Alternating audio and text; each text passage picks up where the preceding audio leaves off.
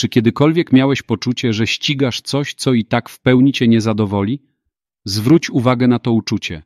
Pochodzi od Boga.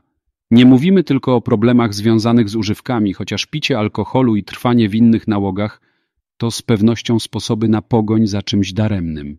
Znamy jednak także wielu gorliwych, którzy co tydzień uczestniczą w nabożeństwach albo którzy wygłaszają kazania, a jednak czują, że są daleko od Boga.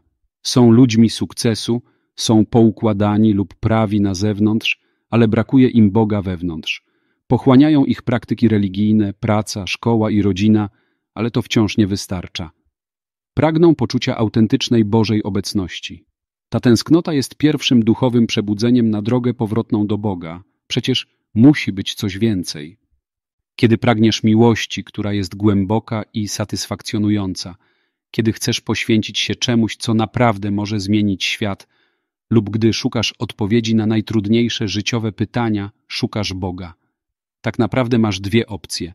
Możesz dalej próbować zaspokoić te tęsknoty na własną rękę, lub możesz zwrócić się do tego, który zasiał je w Twoim sercu. Nasza tęsknota za prawdziwą miłością jest tak stara jak ludzka rasa. Bóg chciał, abyśmy doświadczyli Jego miłości zarówno bezpośrednio od Niego, jak i poprzez innych, z którymi łączą nas zdrowe relacje. To, czego pragniemy, Bóg nie tylko ma, On tym jest. On jest miłością i zabiega o nas z miłością.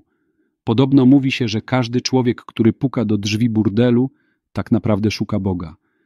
Jeśli pukasz do drzwi jakiegoś autodestruktywnego zachowania lub związku, być może doszedłeś właśnie do ważnego punktu na Twojej drodze powrotnej do Boga. Dlaczego?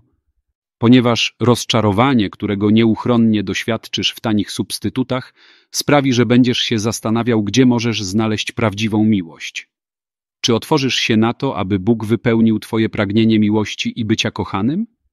Co mówią o Tobie działania, którym poświęcasz swój czas w tym tygodniu?